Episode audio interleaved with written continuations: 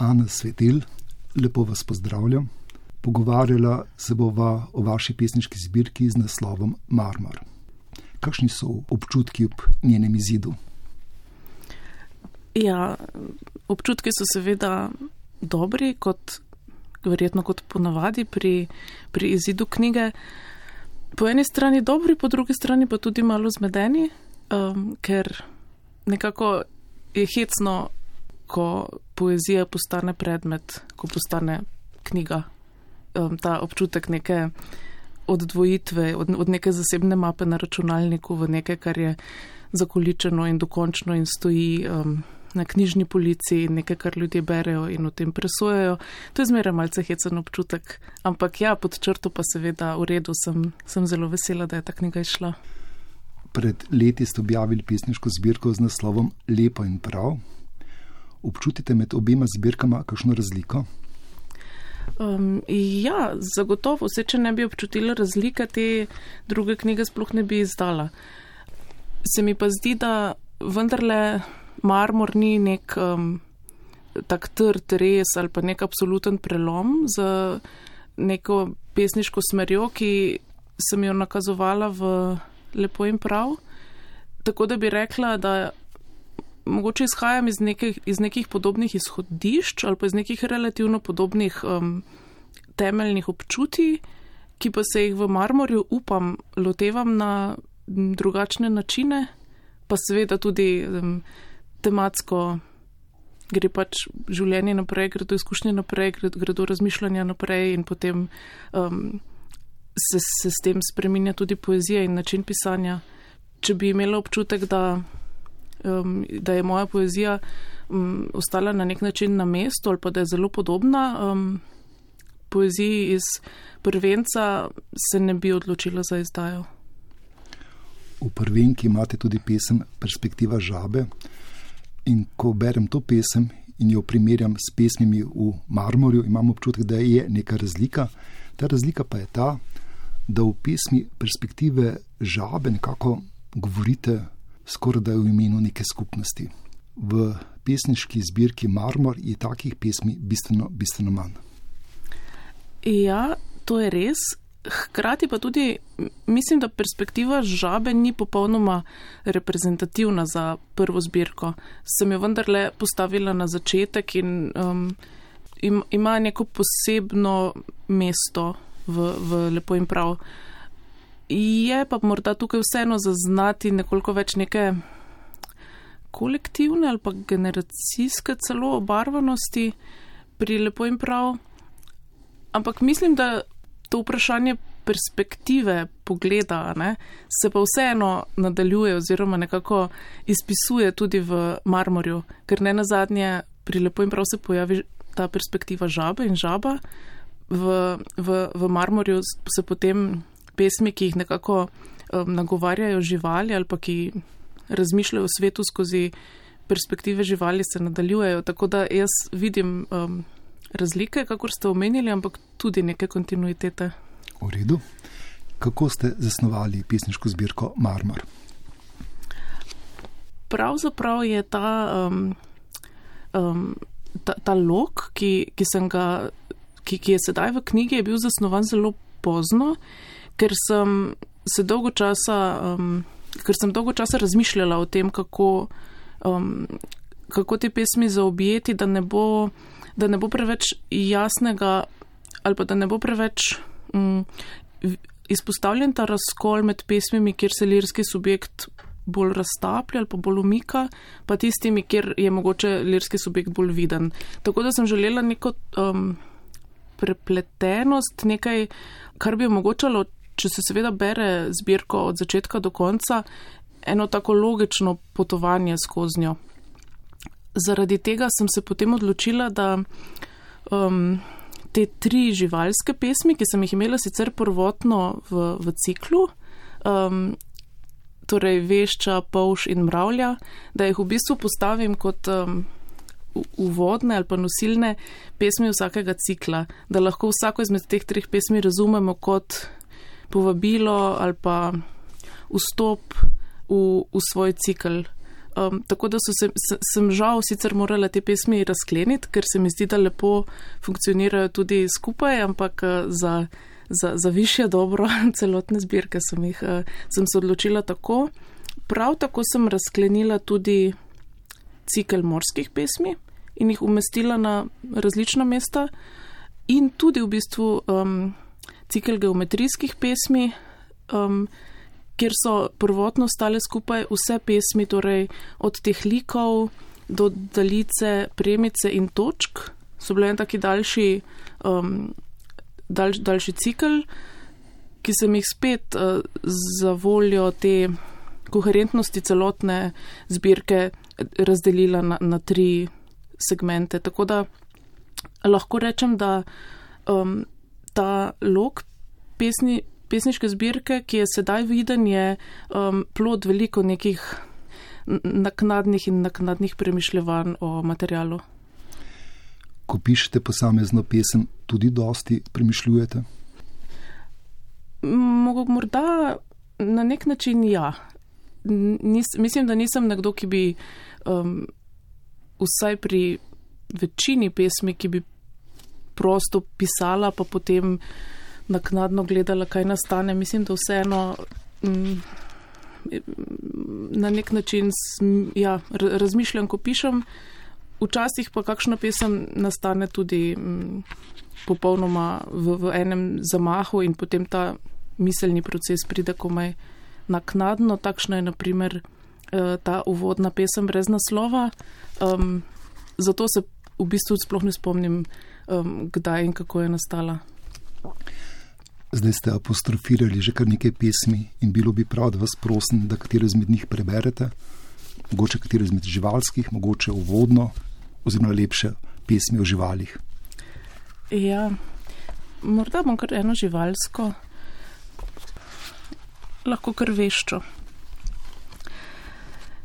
Vešča.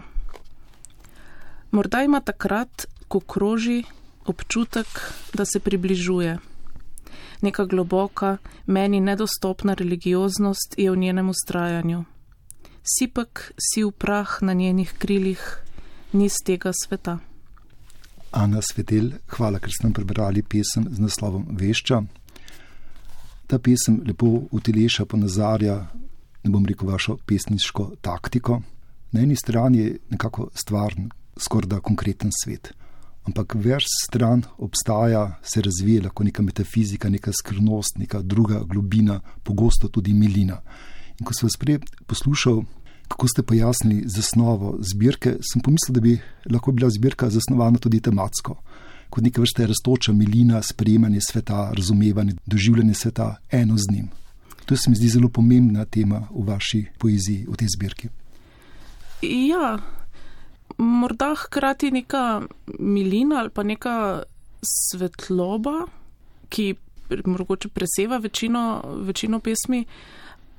Ja, lahko bi, lahko bi zbirka se, tu, se tudi na ta način um, razvijala. Im, imate prav, nimam, nimam, nimam kaj pametnejšega za. Se ne gre toliko za prav, kot zgolj za občutke. Pesem vešče je lepa tudi zato, ker pravzaprav kot pesnica opazite nekoga, ki ga običajno prezremo, ki ga ozremo zgolj za trenutek, vi jo pa skoraj da nekako postavite. Ne bom rekel, da ji postavite marmorni kip, ampak zapišite pesem o njej. Ja, mislim, da je. Um, To je mogoče to, kar sem govorila na začetku, da, da gre za neke perspektive, kaj videti, ali pa tudi iz katerega zornega kota um, po, pogledati na svet. In tu je ta um, mogoče ne gre prav za res za perspektivo živali, ampak vseeno za to um, vzrtje živali ali pa drugih oblik bivanja. Drugega? Drugega, ja. Um, ki, ki me je tukaj absolutno pač ustvarjalno nagovarjalo. Um, ne gre niti samo za živali, gre tudi za foton, um, aerosole, koromač in tako naprej. Tako da ta neka snovnost, ki pa jaz vendarle ne uporabim samo kot nek zanimiv pesniški izmislek, ampak vseeno, mislim, za, za, za vsako to pesmijo um, stoji nek dober razlog, ne pa samo um, Mislim, se ne da čudenje ni dovolj dober razlog, ampak ne pa samo neka deskripcija, ali kako bi rekla. Presežete to deskripcijo 1, 2, 3 ne, z lahkoto, oziroma z lepoto še natančne. Pesem Marmor je tudi zanimiva, ker vaš marmor je posebno drugačen kot marmor, ki ga pozna večina izmed nas. Ja, deloma gre za to um, elegantno, pa malo odmaknjeno lepoto, ne, ki, ki jo vidimo ko občudujemo recimo marmorne kipe v galerijah, ta absolutno neka, kako bi rekla, presežna milina, ki na nek način um, upodablja recimo človeške podobe, ampak jih hkrati presega v neki popolnosti. Ampak hkrati pa me je pri marmorju bila zanimiva tudi ta snovnost marmorja, torej po eni strani kamen, trd, um, zemeljski, ne, če, če hočete neka ta ja, trda tuzemska realnost kamna, po drugi strani pa ta popolnoma um, nadzemeljsko lepa gladina, ta odsevnost marmorja, ta, ta lepota, ki jo nosi kamen, ki je oblikovan, ta skoraj da vodena gladina marmorja, to. Ta, ta dvojnost, pa ta hkrati milina, nežnost in distanciranost, mislim, da so to tisti, tiste kvalitete ali pa tista eh, čarobnost marmorja, ki me je navdihovala. Bi nam prosim prebrali pesem Marmor. Marmor. Vsi se dotikamo, a najbolj nežno se dotikajo kipi. Njihova koža je najtanjša. Ana Svetil, hvala, ker ste nam prebrali tudi pesem Marmor. Tudi ta pesem sodi med krajše pesmi, ampak v zbirki je predvsej tudi daljših pesmi. Kaj vam pomenijo ene, kaj druge? Ja, s tem vprašanjem sem se predvsej ukvarjala. Moram reči, da mi je bilo veliko mm, odkrivanja in veselje pisanja krajših pesmi, ker se mi zdi, da si jemljajo eno tako um, fantastično svobodo no, in so res. Uh, vsej meni se je pri pisanju zdelo, da, da resnično utelešajo to, kar lahko pač poezija počne. To je ta um, kratkost, ta premišljenost besed. Tako da, ja, kr kr kratke pesmi, tudi zelo kratke pesmi, so mi bile v veliko veselje in izziv za pisanje.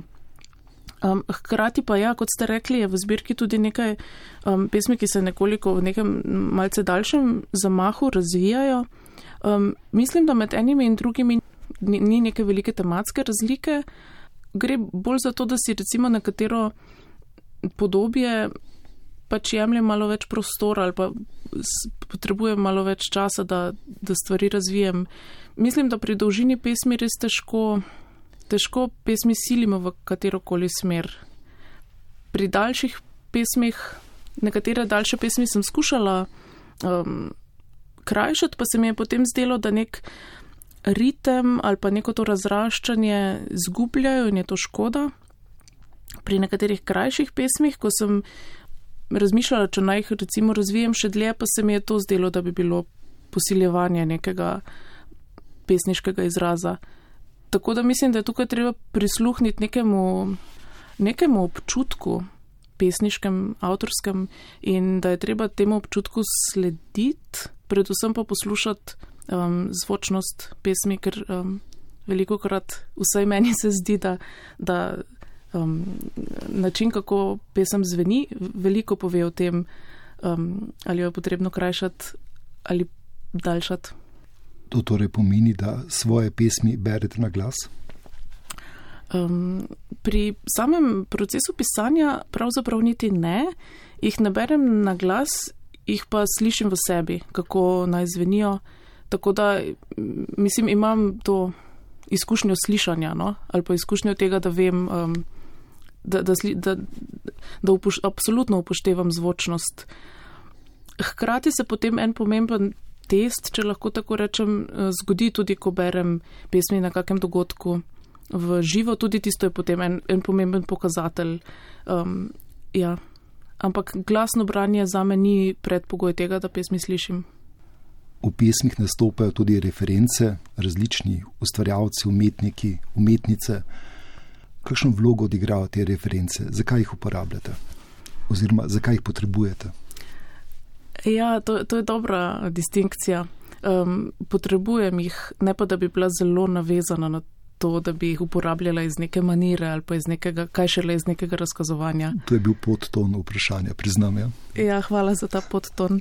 Um, tako da mislim, da je referenc relativno malo, hkrati pa, ker seveda živimo vplivani in v dialogu z raz, raznovrstnimi umetnostmi, ki nas obdajajo in seveda tudi vsem ostalim, um, pa vseeno nima smisla, da bi to popolnoma rezali iz poezije. Tako da reference se mi zdi, da so neka začimba, ki, um, ki jo lahko, ki, ki jo pač dodajam, ampak pazim, da pri tem ne bi pretiravala, ker tudi ne bi želela, da se poezija na tak način zapira v, neko, v neke interne dialoge. Hkrati pa mislim, da neka količina referenc bralca ne zmoti oziroma ga ne mede.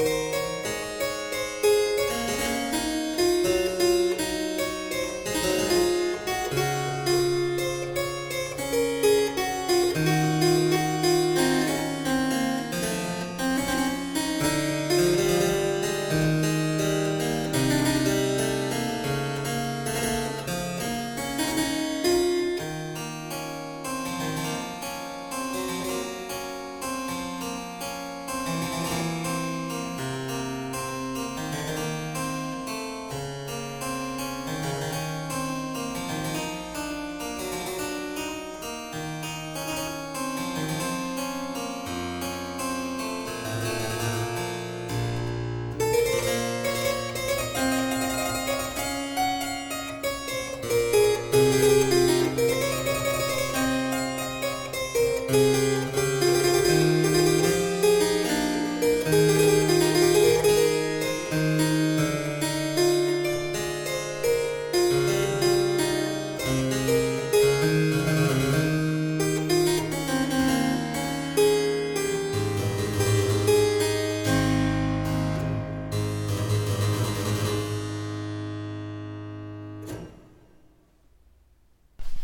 Svetel, pogovarjava se o vaši pesniški zbirki z naslovom Marmor. Marsikaj ste mi že povedali, je pa še kar nekaj odprtih tem. Ena izmed teh je, recimo, kako ustvarjate daljšo pesem. Kajti tukaj so lahko ti sporedni verzi, neke vrste paralelizmi, potem so mogoče drobni kontrapunkti in vendar nekoliko konkretneje. In bi jaz prosil, da nam nekoliko razkrijete te svoje poetološke postopke v pesmi Indijanska pomlad. Prosim. Um, to pesem Indijanska pomlad um, uvede en vers, ki ga bom pre, najprej prebrala. Vsi smo vedno stari toliko, kolikor smo stari točno v tem trenutku. Urož Zupan. Indijanska pomlad.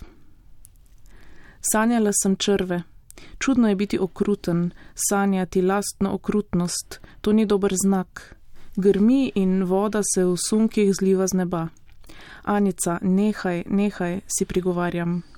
Včasih bi se rada odločneje zauzela za kompleksne razlage ali preprosto za manj ponarejanja, odvečnosti, pa se mi pogosto zazdi, da se ne spodobi težiti s koncepti. Kot lastna sogovornica skušam biti nežna.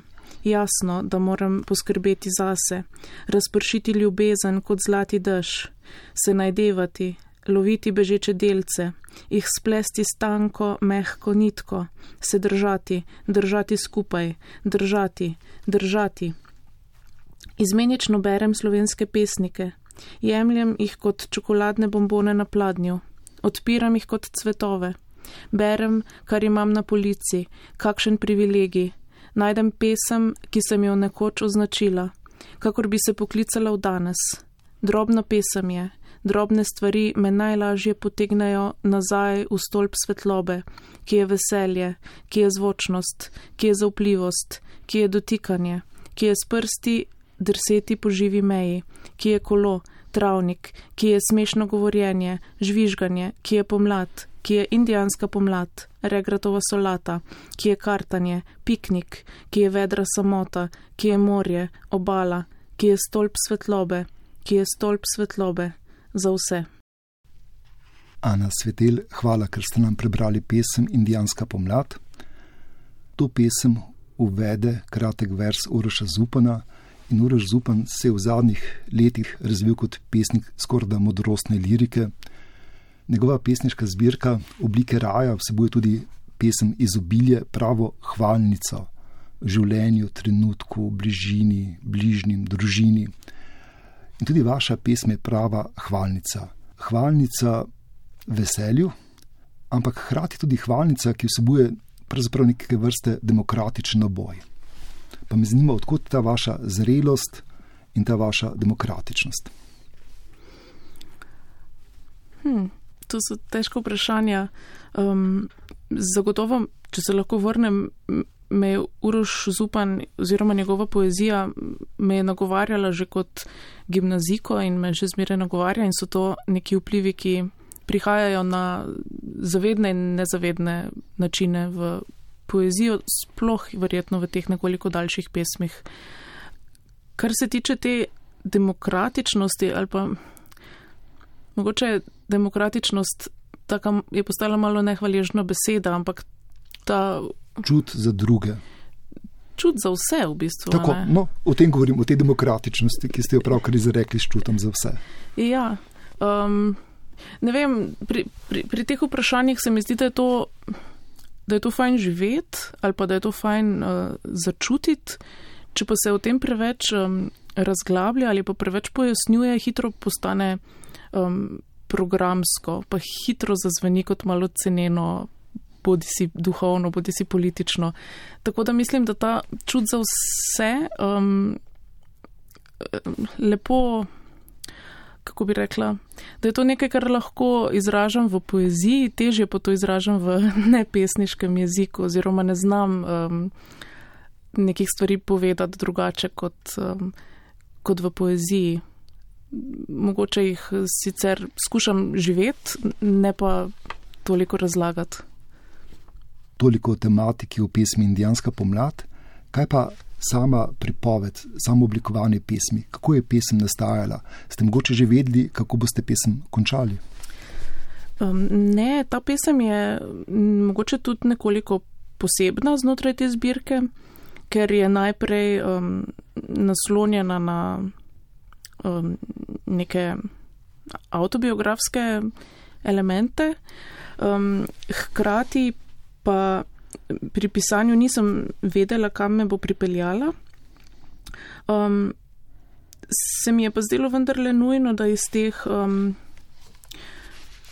ali pa mogoče niti ne nujno, ampak um, taka dobra, pa tudi ritmično jasna smer pri tem nalaganju je, da bodo ti elementi, ki se nalagajo, da jih, da jih bo pesem um, krajšala, gostila, ne, spremenjala v vedno manjše fragmente, se ne na zadnje, um, mislim, da to nekje celo povem. Ja, drobne stvari me najlažje potegnejo nazaj v stolp svetlobe, ne, ta ver se pojavi in potem, um, če zdaj pač postvestom seveda to, to analiziram, je to, da se um, gradniki pesmi, da postajajo drobnejši in drobnejši in s tem naštevanjem, um, da se v bistvu naplastijo neke drobne stvari življenja, ne? ki se potem seveda ta obrat na vse, na demokratičnost, kot vi pravite, ampak um, rekla bi, da je tukaj mogoče druga polovica pesmi je že iztek um, te pesmi, da ima nek ta dolg, um, dolg ritmični zaključek. Um, Ki, ki preide, ki se oddalji od tiste izhodiščne, zelo autobiografske, z nekim jasnim, zelo jasno nakazanim jazom iz začetka, ne, da je to ta pot ali pa neko, neko potovanje, neka transformacija, ki se zgodi v tej pesmi. Um, in ravno recimo zaradi tega, ker je tukaj, um, ker, ker je ta pot tako dolga, kot je, um, po mojem mnenju bi bilo recimo to pesem nesmiselno krajšati, da si ta pesem pač um, zaradi te, um, te, tega razvoja, da, da si vzame, da, da potrebuje toliko prostora kot si ga tukaj vzame. Za razliko od seveda mojih številnih drugih pesmi, ki so bistveno, bistveno krajše. Ana Svetel, hvala vam za ta izčrpni odgovor. Čas za današnjo oddajo se žal izteka. Mar se kaj ste nam povedali o svoji pesniški ustvarjalnosti in pesniški zbirki z naslovom Marmor. Hvala za boj, za pogovor, za zbirko. Ob koncu oddaje pa bi predlagal, da nam preberete pesniški cikl z naslovom Pesemski okruški kajti ta cikl vsebuje zelo različna čustva, zelo različne razpoloženja in lepo pokaže, kako z lahkoto prehajati iz enega stanja v drugega. Prosim. Pesemski okruški. Prvič. Sonce zaide in pripeto na nič ostane. Drugič. Ne začenjam več iz prvič. Ponavljanje je predvsem učenje ponavljanja. Tretjič. Spomini niso prostori, ki bi kdaj zares obstajali.